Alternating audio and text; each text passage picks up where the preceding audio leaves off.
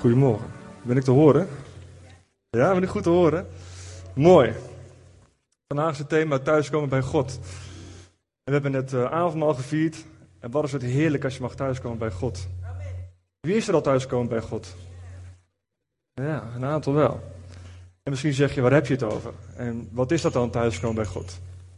We hebben net de uh, avondmaal gevierd ook. En uh, over Jezus, over het Jezus aan het kruis. En iedereen kent wel het verhaal natuurlijk van Jezus aan het kruis en vergeef van de zonde en dat soort dingen. Maar ik heb het vaak verteld, Jezus heeft zeven dingen gedaan voor ons. Zeven dingen. Verzoening met God. Bevrijding van de vloek. Bevrijding van de duisternis. Bevrijding en verzoening met God. Allemachtig. Heb je dat eens meegemaakt? Dat je echt verzoend bent met God. We hebben het avondmaal gevierd. En misschien denk je van, nou, ik heb het meegevierd omdat het zo hoort.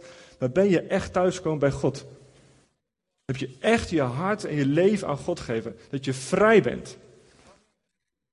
Dat je gewoon weet, elke vloek over mijn leven is verbroken. Elke duisternis, elke gebondenheid in mijn leven, elke leugen, al die stemmen die ik s'nachts hoor, al die verschijningen die ik s'nachts zie.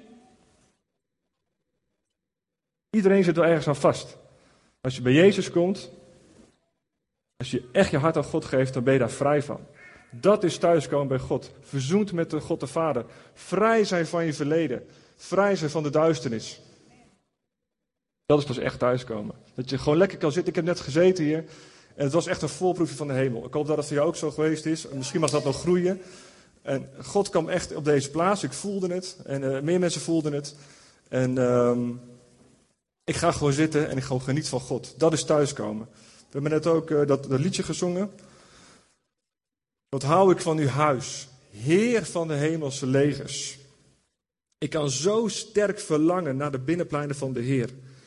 Diep in mijn lijf is zo'n heimwee, zo'n blijvende schreeuw om de levende God. Dat kan alleen als God jou van binnenuit heeft veranderd. Als je weder bent geboren. Als je verzoend bent met God, dat er niks meer tussen jou en God in staat. En er staat nog iets. Heer van de hemelse legers. Heb je daar wel eens naar gedacht? Dat er echt hemelse legers zijn. Dat er engelen hier zijn. Dat er demonen hier zijn. Ik had afgelopen week nog twee keer eentje op bezoek. Ja. Ja, twee keer deze week kwam s'nachts in mijn slaapkamer, in mijn droom, kwam de macht van de dood. Die wil mij te pakken nemen. Een macht uit het rijk der duisternis kwam mijn huis binnen, in mijn slaapkamer en probeerde mij te pakken. Deze week twee keer achter elkaar. Dat is niks nieuws, dat is niks bijzonders. Dat is gewoon the way of life. En heel veel mensen hebben dat. Ga maar eens praten met de mensen om je heen. Die horen allemaal stemmen, die zien verschijningen. Allemaal leugens in het denken, allemaal gekke toestanden. Maar als je met Jezus bent, ik ben niet geïntimideerd daardoor. Dat ben ik wel geweest en ik zag niet dat ik het ook niet meer opnieuw zal zijn. Wat mooi was, ze probeerden mij echt te pakken. Echt die klauwen, ze hadden ook messen bij zich dit keer. En ze probeerden mij echt, echt te pakken. Maar uh, dat lukte niet. Ze kregen mij niet te pakken. Ben ik dan zo sterk? Ben ik dan zo geniaal? Nee, niet echt. Maar ik weet wel wie ik ben in Christus. Dus voor de vijand ben ik niet te pakken. En um, dat is het, leger van de vijand. We hebben ook het leger van de Heer, de engelen. Ik, heb, was een keer met een bevrijding bezig. En toen kwam de, uh, degene ging nogal heftig. En menselijk gezien kon ik het gewoon niet aan. Dus ik vroeg aan God, Heer, wilt u engelen sturen? Wilt u engelen sturen om diegene te binden? En het gebeurde ook. De engelen van God kwamen, ik heb ze niet gezien, maar die man lag in één keer helemaal stil. Dus we hebben een Heer van de hemelse legers. Ben je daar bewust van? Ben je thuisgekomen bij God? Ben je bewust van de autoriteit die je hebt? En het verlangen. Ik kan zo sterk verlangen naar de binnenpleinen van de Heer. Ik heb dat zo vaak, hè. Zoals net ook, dan zit ik daar. En eigenlijk denk ik van, nou ja, neem mij maar op. Weet je wel. Neem mij maar op. Beam me up. Echt waar. Dat, dat is zo heerlijk. En uh, ik heb geen last van mijn geweten. Ik word niet aangeklaagd. Vrijheid. Dat is thuiskomen bij God. Ik heb het uh, woordje huis opgezocht in het Hebreeuws. En het betekent letterlijk huis. Ja, thuiskomen, relaxen, chillen. Een plek waar je jezelf kan zijn. Dat kan bij God. Misschien zeg je, ja, mijn thuissituatie is helemaal niet zo. Moet eens kijken hoe het bij mij thuis is. Ik heb een verbroken gezin. Ik heb, weet ik wat voor problemen allemaal thuis. Maar als je even alleen bent, in de auto of op de toilet of onder de douche, dan kan je thuiskomen bij God. Eventjes connecten. En dan komt zo, God zo, komt zo naar beneden toe met een aanraking van God. Eventjes thuiskomen, dat is heerlijk. Maar dat verlangen is wederzijds, wist je dat? Wij kunnen verlangen naar God, maar God verlangt het net zo erg naar jou. Het zou natuurlijk heel gek zijn in een relatie als de ene partij naar de andere partij verlangt, maar dat het niet wederzijds is. Dan heb je toch een beetje een gekke relatie. Dus wij verlangen naar God, wij roepen naar God van, um, we verlangen naar u en ik heb een blijvende schreeuw, maar God zegt datzelfde tegen jou. En weet je dat al? Heb je dat al echt ervaren in je leven? Als dat zo is, geweldig. Deel het met name uit naar de mensen om je heen. Deze spreek heeft eigenlijk twee lagen. Eindelijk gaat het over jou persoonlijk. Ben jij al thuiskomen bij God? En over, uh, zijn de mensen in jouw omgeving al thuiskomen bij God? Want als jij het bent, geweldig. Deel het uit. En ook als je onderweg bent en je bent er nog niet helemaal, ga het alvast wat je hebt ontvangen uitdelen. Ga niet wachten tot je perfect bent. Als ik gewacht op perfect ben, dan ga ik nooit spreken. Ja? Wat je hebt ontvangen, de kleine beetje, deel dat uit, zodat andere mensen het ook gaan leren kennen. Nou, God is een hele trotse vader. En hij is heel trots op Jezus en op jou. Persoonlijk. We komen hier bij, uh, bij Jezus, die uh, begint zijn bediening op aarde. En uh, dan wil hij graag gedoopt worden door Johannes. En Johannes die zegt van, nou, zou de, ja, eigenlijk moet ik gedoopt worden door u. Waarom moet ik u dopen? Dat is een beetje omgekeerde wereld, vindt Johannes. Maar Jezus zegt, nee, laat mij mijn gang gaan. Ik wil dat je me doopt, want zo doen we alles wat God wil. Toen liet Johannes hem zijn gang gaan en doopte hem. Op het moment dat Jezus was gedoopt en uit het water kwam, zag Johannes de hemel opengaan. Hij zag de geest van God als een duif uit de hemel komen en op hem neerdalen. En een stem uit de hemel zei: Dit is mijn zoon. Ik hou heel veel van hem. Ik geniet van hem. Voel je die lading die erin zit? Ik voel het wel. En uh, God zit in de hemel op zijn troon, zo stel ik me dat dan voor. En dan, uh, dan ziet hij Jezus, die zegt, ik wil uw wil doen. En God die zit daar en die wordt overmand door een golf van blijdschap. Die van, oh Jezus, kijk Jezus, ik heb, ik heb drie kindertjes en soms zit ik gewoon te kijken naar mijn kinderen en in één keer krijg je zo'n golf van blijdschap over je heen. Dat je echt denkt, ik moet even zeggen, ik hou van je, ik vind je geweldig. Of tegen de buurman, hé, dat is mijn kind, kijk wat hij kan. En God heeft datzelfde. En heeft hij ook tegen jou persoonlijk. Dat is niet alleen tussen God en Jezus, maar tussen jou en God is hetzelfde. En God die kan zich niet inhouden en die komt van zijn troon en die zegt, dit is mijn geliefde zoon. Ik hou van hem, ik geniet van hem. Dat is heel bijzonder. Als God dat soort dingen zegt, zegt hij door zijn woord, zegt hij door dromen. Dat is geweldig, dat is heel rijk. Weet je wat er twee keer gebeurd is? God heeft twee keer gesproken tot, uh, over Jezus met een stem uit de hemel. Twee keer. De tweede keer was uh, op de berg. Toen kwamen Elia en Mozes, die kwamen op de berg vlak voordat Jezus zou gaan sterven. En uh, Mozes en Elia die kwamen om Jezus kracht te geven, om hem te bemoedigen, om hem te spreken over dingen die zouden gaan komen. En um, nou, we gaan het verhaal even lezen, een klein stukje. Nou, de, de discipelen hadden dus geslapen, ondertussen waren Mozes en Elia daar. Maar toen ze wakker werden, zagen ze de stralende gestalte van Jezus en van de twee mannen die bij hem stonden. Toen Mozes en Elia bij Jezus weg wilden gaan, zei Petrus tegen Jezus: Meester, het is goed dat wij zijn. Laten wij drie tenten opzetten: één voor u, één voor Mozes en één voor Elia. Petrus wilde het moment vasthouden. Die dacht: Dit is zo vet. Mozes, Elia en Jezus zijn hier. Wat kan er nog beter komen? Wat, wat voor moois kan er nog meer komen? Denkt u, ja, hij dacht gewoon: Ik ga tent opzetten. Heel aards. Wel begrijpelijk. Op hetzelfde moment kwam er een wolk om hen heen. Ze werden bang. Toen de wolk hen omgaf. Toen kwam er een stem vanuit de wolk. Dit is mijn zoon. Ik hou heel veel van hem. Luister naar hem. Mooi hè? Ik vind het zo rijk. Even kijken hoor.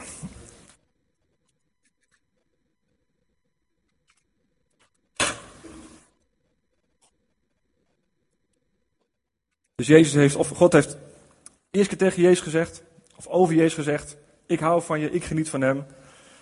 En nu zit God weer op zijn troon, hij weet waarom staat te wachten. En alle ellende en dood van de hele wereld, voor jou persoonlijk, van iedereen, wordt op hem gelegd. Hij zal bloed zweten een aantal keren. En God bemoedigt hem opnieuw. Dit is mijn zoon. Ik hou veel van hem. En luister naar hem. Er zit een waarschuwing bij. In deze wereld zijn heel vaak woorden zijn, uh, zijn makkelijk gezegd. Er worden zware woorden gebruikt voor voor van alles en nog wat, een omhaal van woorden. Maar God spreekt met weinig woorden vaak. En, uh, en als hij wat zegt, dan beter luistert hij ook. dan is het wel iets om, uh, in gedachten te houden. Misschien heeft God ook wat, wat persoonlijk tegen jou gezegd. En heb je dat, heb je dat nog in je gedachten zitten? Als God het heeft gezegd, dan gaat het zeker weten gebeuren. hoef je niet te twijfelen. Kijk, soms haal je dingen in je hoofd, zijn dingen niet van God. Maar als God spreekt, zeker weet dat het gaat gebeuren. Ik ken ook een echtpaar en die hadden ergens uh, heel lang voor gebeden. En God die had uh, tegen hen gesproken over dat dit zou gebeuren, bij de apart. En ze gingen door een hele moeilijke periode, diepe frustraties, diepe pijn. Maar God had gesproken en het gebeurde. Als een klein wondertje gebeurd. Als God iets tegen jou zegt, persoonlijk, gaat hij dat doen. Hier zegt hij, luister naar hem, luister naar Jezus. Wat zegt Jezus dan? Nou, hij zegt een heleboel. Maar dit vind ik toch een van de mooiste. Wie moe is, kan rust vinden bij Jezus.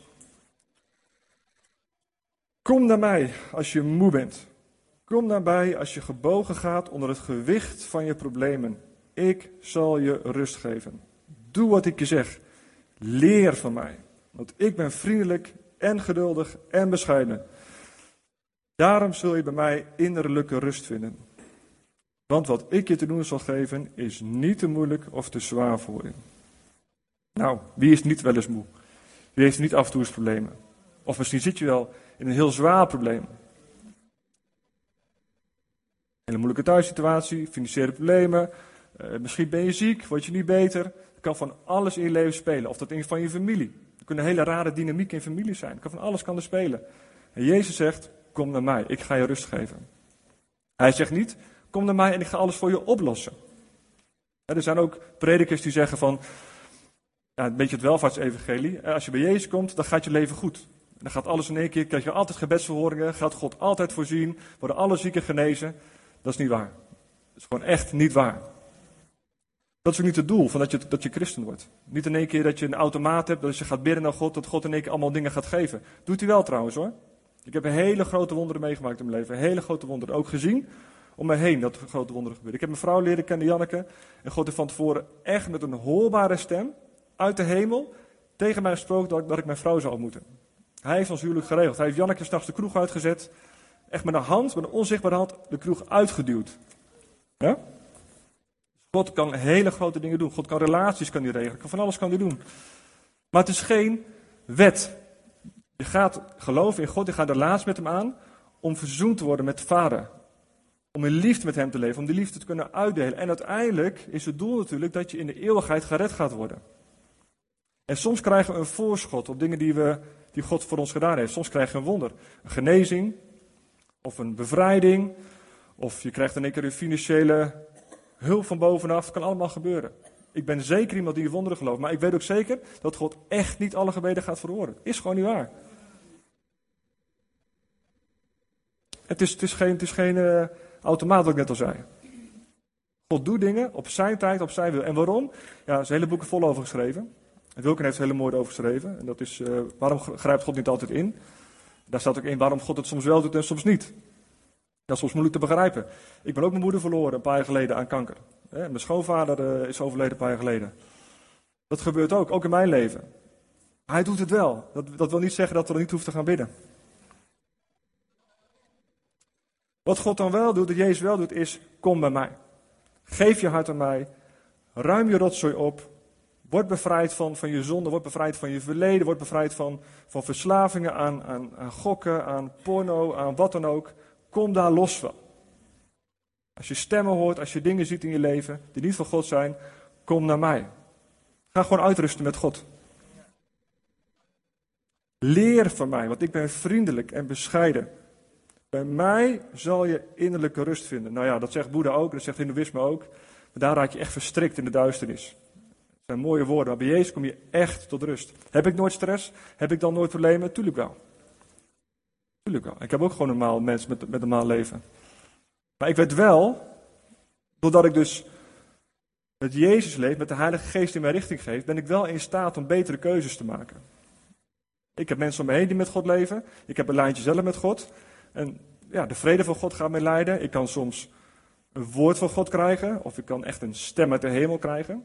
En dat helpt mij om domme dingen te doen. Als je moe bent, als je gefrustreerd bent, als je niet meer ziet zitten, dan kan je hele domme dingen doen. Dan kan je hele domme dingen doen. En als je je goed voelt, een lijntje met God hebt, dan ben je in staat om goed en juiste keuzes te maken. Ik zal een voorbeeldje geven. Ik heb uh, heel lang in het leger gezeten, tien jaar. En uh, ik was op uitzending in Kosovo en er waren heel veel mijnenvelden. Heel veel. En overal stonden van die bordjes met mijnenvelden, want uh, ja, dat was gewoon oorlog geweest daar. En we hadden een hele dag hadden we hard gewerkt, het was super koud buiten. En op een gegeven moment dachten we van, we gaan een, we gaan een bindendoorwegje nemen, dan zijn we snel weer op het kamp. Maar onze luitenant die had de verkeerde weg genomen, dus het duurde allemaal langer. We waren moe, we waren gefrustreerd, we wilden graag naar, naar het kamp toe. En, uh, en, we reden maar verkeerd en we bleven rondjes rijden en rondjes rijden. En op een gegeven moment waren we in een dorpje. En waren met een hele grote vrachtwagens, die draaien ook niet zomaar ergens. Waren we weer verkeerd gereden. En dat dorpje was te klein, we konden niet keren met die vrachtwagens. Toen hebben we gezegd, weet je wat, we gaan gewoon dat mijnenveld in. Wat boeit het, weet je wel. We willen gewoon weg, we gaan gewoon dat mijnenveld inrijden.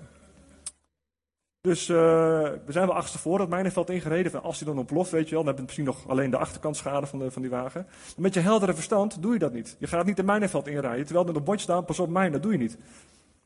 Maar als je moe bent, als je dingen niet goed meer helder ziet, dan ga je hele gekke dingen doen.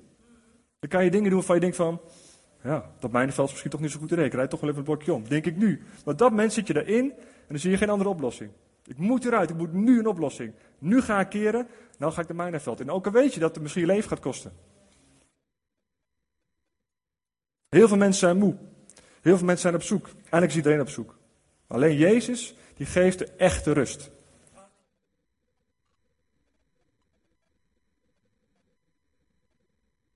Jezus geeft de echte rust.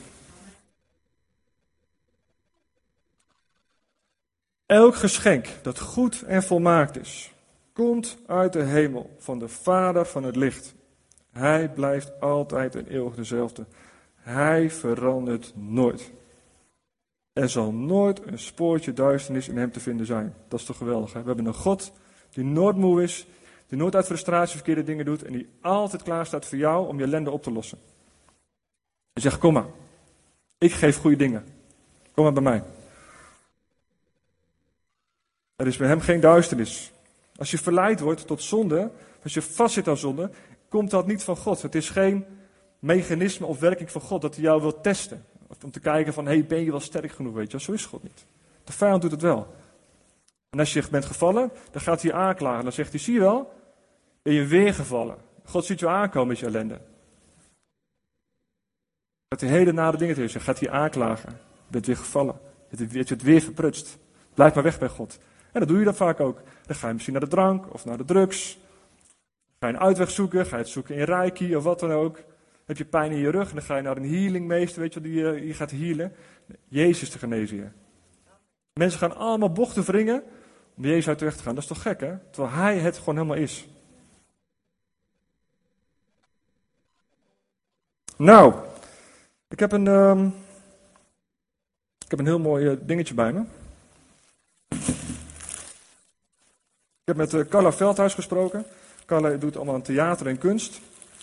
Want je zegt, het zou goed zijn als er wat vaker wat kunst in de, kerk komt. Dat kan vaak iets heel, uh, heel sterks uitbeelden. Dit beeldje is een replica, stond op de Sint-Jan in, uh, in Den Bosch. Heel hoog, samen met 60 andere beeldjes. Er waren allemaal beeldjes van, van gildes. Dus van, uh, van timmermensen, van metselaars, vrijmetselaars stond er ook tussen. En er was één beeldje, één kunstenaar heeft dus een beeldje gemaakt van iemand die echt thuis komt bij God. En uh, dat beeldje was nooit te zien geweest. Ik ga hem dadelijk door de rijen geven, kan je even kijken. En dit is een beeld van hoe intimiteit eruit ziet. Die mensen zitten met, met hun benen over elkaar heen. Ze zijn echt close met elkaar. Ik weet niet hoe vaak jij met iemand zo zit, maar dit is, uh, als je zo met iemand zit, dan ben je wel echt intiem met diegene. Dit, dit is een beeldje wat uitstraalt van zo mag je bij God komen. Met hoe je nu bent. Je hoeft niks te veranderen. Je mag nu komen. Ja? Ik ga hem eventjes doorgeven. Wees wel voorzichtig, hij is zwaar. En uh, kijk daar maar eens goed naar. Het is een middeleeuws eh, beeldje uiteraard. Je hebt ook van die middeleeuwse kleding hebben ze aan, van die schoentjes en van die mutsjes. Maar ik vind het wel iets heel moois.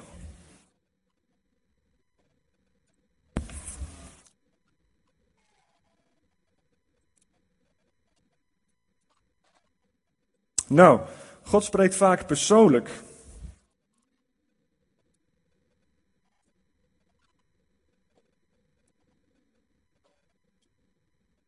God spreekt persoonlijk over jou en tegen jou. God kan heel precies in je leven inspreken. Heel exact aanwijzen, die kant gaat het op met je leven, dit gaat er gebeuren of dat moet je doen. En dat heeft voor mij ook meerdere keren gedaan. Net al een klein voorbeeldje genoemd, maar ik heb er nog wel eh, een paar hele bijzondere. Meestal, als God spreekt, gaat het over dat God jou door je heen spreekt voor een ander. Om die ander te bereiken. Wist je dat? Het is natuurlijk vet als God zelf eens tegen jou zegt. Maar meestal gaat het om die ander, om je buurman te bereiken. Want jij hebt al een lijntje met God. En dan ga je het lijntje doorgeven. Nou, een heel mooi voorbeeld daarvoor vind ik, uh, vind ik uh, Daniel. Daniel heeft een aantal dingen meegemaakt. En God heeft daar heel bijzonder ingrepen in zijn leven. Een aantal keren, een aantal verhalen ken je waarschijnlijk wel. En God wil echt dat dat volk op dat moment, Nebuchadnezzar, koning Nebuchadnezzar, tot inkeer komt. Tot erkenning komt, God is de hoogste. Hij is de Heer. En dat is, dat is het mooiste wat er is. Als mensen tot erkenning komen, tot de, tot de vrede komen van God is de Almachtige. Jezus is zijn zoon. En uh, ja, je hebt soms hele zware criminelen die hele erge dingen doen. Of, of verkrachters, of moordenaars, of mensen van IS. En als je met je mensverstand over gaat nadenken, denk je van ja, wat, wat zouden die mensen nou voor straf moeten hebben? Moet je ze in stukken hakken? Moet je ze onthoofden? Eh, wat, wat zou zo'n straf voor zo iemand zijn? Dat is de menselijke gedachte. Maar het mooiste is, stel je ervoor dat die leider van de IS, weet je wel, dat hij moment een filmpje gaat maken, dat hij zegt oké, Jezus is echt de zoon van God. Ik geef mijn leven aan hem en ik, ik vraag vergeving daarvoor. Dat is, de beste, dat is het, gewoon het beste wat er is. Dat hij erkenning geeft aan God. Hij erkent, Jezus is de zoon van God. In hem zijn we thuis. Nou, en, uh, en God wil dat gewoon dat mensen naar hem toe komen, dat ze daar vrij van komen. Daniel die heeft een, uh, die zit in het rijk van Nebuchadnezzar, een hele machtige koning, het rijk van Babel. En uh, de koning heeft een droom. En dat is een droom van een, uh, van een heel groot beeld. En ehm, dat is een beeld van, van goud en zilver en klei en leem. En die, die koning is er best wel van slag van. En hij vraagt aan zijn wijzen en aan zijn, uh, zijn waarzeggers, vraagt hij van, um, vraagt, vraagt niet alleen de uitleg van die droom, maar hij vraagt ook, wat heb ik gedroomd? Dus om zeker te weten dat, ze, dat de uitleg goed is, vraagt hij ook aan die wijzen van, wat heb ik dan gedroomd? Eerst stel me wat, wat ik gedroomd heb, en daarna vertel je mij de uitleg ervan. Nou, die mensen wisten dat natuurlijk niet. En um, dus die, de koning werd daar woest over. Die had echt het gevoel, ik word beetgenomen. Jullie zeggen altijd dat je uitleg kan geven, maar waarom kan je dan niet de droom vertellen? Dus die koning heeft een wet aangenomen en die zei van oké, alle wijzen in het land, alle waarzeggers en bezweerders, die moeten gedood worden. Dus de wet werd aangenomen en men begon al met het doden van die, van die, van die wijzen. Daniel die hoort daarvan, die gaat ondanks de druk van de dood gemaakt worden naar de koning toe. Zegt koning, mag ik even wat tijd hebben. Dus ondertussen worden mensen afgeslacht en hij gaat naar de koning toe heb je wel vertrouwen in God. Dan ben je wel thuiskomen bij God. Daniel gaat zelfs slapen. En Daniel die droomt dezelfde droom als, uh, als de koning. En de dag daarna gaat hij naar de koning toe. En gaat hij dus vertellen wat die droom is. En wat hij dus heeft gedroomd. Dus beide is de uitleg ook. Nou. En die droom is toevallig ook een aankondiging van het koninkrijk van Jezus. Dus de, aankondiging van het Griekse Rijk, van het Romeinse Rijk en nog twee rijken, heb ik even vergeten en het koninkrijk van Jezus wordt aangekondigd. Dus hij droomt gewoon over Jezus' koninkrijk. Het koninkrijk van God is nu al hier. voor degenen die het niet precies weten. Overal waar jij komt, waar ik kom, daar is het koninkrijk van God. Als ik ergens kom en ga bidden voor zieken, dan is daar het koninkrijk van God. Het zijn voorproefjes. Het echte groot koninkrijk moet nog komen. Het zijn voorproefjes van het koninkrijk. Waar wij leven brengen, waar wij bidden voor bevrijding, wat dan ook, daar is het koninkrijk van God. En het koninkrijk van de duisternis, aan de kant. Die doodsgeesten, Onreine geesten, geesten manipulatie. Er zijn heel veel namen voor geesten, maar de Bijbel heeft er één naam voor. Onreine geesten, demonen. Ja. En uh, ik ben, uh, ik heb wel ervaring ermee. Dus als je er last van hebt straks, dan uh, er zijn nog wat mensen die ervaring. Maria is ook een, een ervaring. Dus als je dingen meemaakt in je leven, dan kom gerust straks naar voren. We weten hoe we dat moeten aanpakken. Maar goed, wat doet uh, de koning? Hij heeft dus gehoord wat de droom, dat iemand anders dus die droom weet. En hij heeft de uitleg gehoord. En de koning zegt, Prijs de God van Sadrach, Mesach en Abednego. Dat zijn dus de Babylonische namen voor Daniel en zijn vrienden. Hij heeft een engel gestuurd om zijn dienaren te redden. Want ze vertrouwden op hem. Ze waren ongehoorzaam aan mijn bevel. Ze waren bereid te sterven, omdat ze alleen aan hun eigen God, omdat ze alleen hun eigen God wilden aanbidden en geen andere God.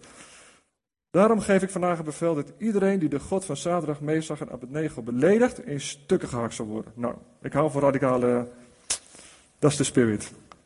Het maakt niet uit van welk volk hij is. Ook zijn huis zal worden verwoest. Want geen andere God kan zo mensen redden als deze God. Wat wens je nou nog meer voor je familie en voor je buren? Dat ze dat gaan herkennen, toch? Dat ze op hun knieën gaan en onze God, mijn God, mijn Jezus de eer geven. Ja. Maar deze man is wel uh, vasthoudend. Oh, ik zit het verkeerde stuk te lezen, of niet? Ja, ja. Ik heb het eentje overgeslagen. Nou, lees deze nog een keertje. Lijken op elkaar. God gaat dus drie keer naar die koning toe. En drie keer komt hij tot de erkenning dat er dus een, uh, dat God de echte God van, uh, ja, de levende God is. Even kijken, hoe zit ik nou? Deze. Deze net voorgelezen, hè? Ja. Nou, dit, dit stuk gaat over een, uh, een ander beeld, over de vurige oven. De koning heeft een enorm beeld laten maken. En hij dwingt iedereen om de beeld te aanbidden. Nou, de drie vrienden die zeggen, dat gaan we niet doen. Wij aanbidden alleen God, de Almachtige, de God van Abraham, Isaac en Jacob. En uh, de koning wordt natuurlijk woest. Die zegt, stook die oven nog hoger op, zevenmaal hoger. Ze worden in het vuur gegooid met z'n drieën. En uh, er komt een engel in dat vuur. Ja, ik ben dan benieuwd hoe ziet zo'n oven eruit. Weet je wel, dat je dus mensen in de weer ziet lopen. Er zit ook een deur in. De koning zit zich helemaal, helemaal kapot. Die denkt van, hé, hey, ik had er drie gegooid, dan lopen er vier. En, uh, en hij, staat echt, hij is echt ontzet daarover. Hij roept dus naar die mensen in die oven, dat kan je dus kennelijk ook horen, vind ik ook wel grappig. Hij zegt, kom naar buiten. En dan zegt hij dus, prijs de God van Sadag, Mesach en Abednego. Hij heeft zijn engel gestuurd om te redden. Ze waren ongehoorzaam aan mijn bevel om dus te bidden. En uh, alleen als hun eigen God willen aanbidden en geen andere God. Daarom geef ik dat bevel, ja. Nou, ik heb het een beetje op elkaar gehad, maar uh, is wel duidelijk volgens mij. Nou, de laatste. Daniel 4. De koning krijgt uh, nog een droom. En uh, hij droomt van een hele grote boom. Een boom die enorm groot is, met mooie takken. En alle dieren van het veld die komen daar om te schuilen. En de, de, de, de konijntjes, de vogeltjes, de grote hetjes, allemaal mooi onder die boom. En die boom is een teken van de koning. Hij is rijk, hij is machtig en iedereen schuilt bij hem. Nou, maar die koning is een slechte koning voor. Hij heeft dus al twee keer met de Almachtige God te maken gehad. En toch gaat hij weer hoogmoedig worden. De boom wordt omgehakt. Er blijft een klein stukje van die boom blijft staan. En dat betekent dat God zijn koningschap gaat afnemen. Maar dat hij hem weer gaat teruggeven. Daniel komt naar de koning toe. Wordt geroepen van, hey, leg die droom uit. Je kon het eerder, doe het nog een keer. En die droom betekent dus, als je niet bekeert van je zonde. Dat je niet rechtvaardig bent. Dat je niet omkijkt naar de armen dat je niet uh, God de eer geeft, wat hij al twee keer had gedaan, maar uiteindelijk dus weer niet. Dan zul je zeven jaar lang als een dier in het veld leven. Je krijgt hele lange nagels, uh, je verstand zal kwijtraken en je zal zeven jaar lang zal je dus uh, als een dier in het veld leven, totdat je erkent dat ik de Almachtige God ben. Voor de derde keer. Nou, koning luistert daar niet naar. Op een avond loopt hij op zijn paleis. En dan zegt hij eh, bij zichzelf van, uh, ik ben de machtige koning, ik heb Babel gebouwd, en kijk eens hoe goed ik ben. Komt er een stem uit de hemel, koning Nebuchadnezzar, het is u aangezegd, en nu gaat het gebeuren, zeven jaar lang zul je bij de dieren leven. Nou, hij, hij raakt zijn stand kwijt, hij uh, wordt uitgestoten uit de gemeenschap van de mensen, en leeft zeven jaar uh, als, als een dier, hij eet gras en doet van alles. En na zeven jaar kijkt hij omhoog, geeft in zijn beperkte gedachten God de eer, en dan wordt hersteld in zijn koningschap. Hij komt weer bij zinnen. Ja, ik zie het al voor me. Op een gegeven moment gaat hij op zijn benen staan. Kijkt naar, naar zichzelf, weet je wel. Loopt terug een paleis in en wordt weer tot koning gekroond. Maar zo gaat het wel. En dan geeft hij opnieuw God de eer. En ik vind dat echt geweldig. Maar aan het einde van die tijd keek ik, Nebukadnezar, omhoog naar de hemel en kwam mijn verstand terug. Toen prees het Allerhoogste God. Want Hij is de God die eeuwig leeft. Hij is voor eeuwig koning. Hij regeert door alle eeuwen heen. Vergeleken bij hem zijn de mensen helemaal niets. Hij doet wat hij wil met de bewoners van de hemel en met de mensen op de aarde. Niemand kan hem tegenhouden als hij besloten heeft iets te doen. Niemand kan tegen hem zeggen: Wat doet u daar? In de tijd dat mijn verstand terugkwam, kreeg ik ook het koningschap weer terug. Ik werd weer geëerd. Mijn raadgevers en ministers kwamen weer naar mij toe en ik regeerde weer als koning. Ik werd nog machtiger dan daarvoor. En nu eer en prijs ik Nebukadnezar, de koning van de hemel. Alles wat hij doet is goed en rechtvaardig. Hij weet trotse mensen weer nederig te maken. Nou, dat is geweldig. Als iemand, als jij of je buurman, leven overgeeft aan God, in verzoening komt met God, dat je vrijkomt van die ellende waar je in zit. Je hebt een wedergeboorte nodig. Vanuit jezelf kun je God niet behagen. Er is een verandering van binnen nodig. Het kan alleen als je jezelf geeft aan God en God gaat een scheppingsonde in jou doen. Je krijgt een nieuwe geest. De Bijbel noemt het wedergeboorte. Nou, Michael Jackson werd uh, de king uh, of pop genoemd. Op een gegeven moment toen uh, ging Michael Jackson is doodgaan, een aantal jaren geleden. En eh, toen zei, ehm, wie zei dat toch ook weer? andere Amerikaanse zanger, die zei van, ehm, Now the king of pop will bow his knees of the king of kings. Oeh. Ja, voel je dat? The king of pop will bow his knees for the king of kings. Heb jij dat al gedaan in je leven? Hebben de mensen om je heen dat al gedaan? Heb jij je leven al gegeven aan God? Ben je al vrijgekocht?